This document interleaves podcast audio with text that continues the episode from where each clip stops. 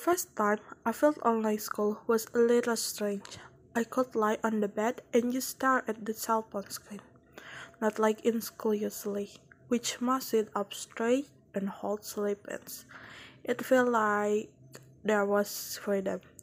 There was a change. I lie in better during class, and it wasn't UKS, but rather my own house. Even though I got freedom, still the task piled up. Every five days, I do online assessment continuously. Whether someone was told to make videos, PowerPoint, etc.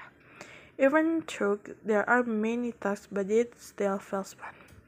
That's my personal experience during online school. Take care of health and stay alert. That is all from me. Thank you so much for listening my personal experience. Bye bye.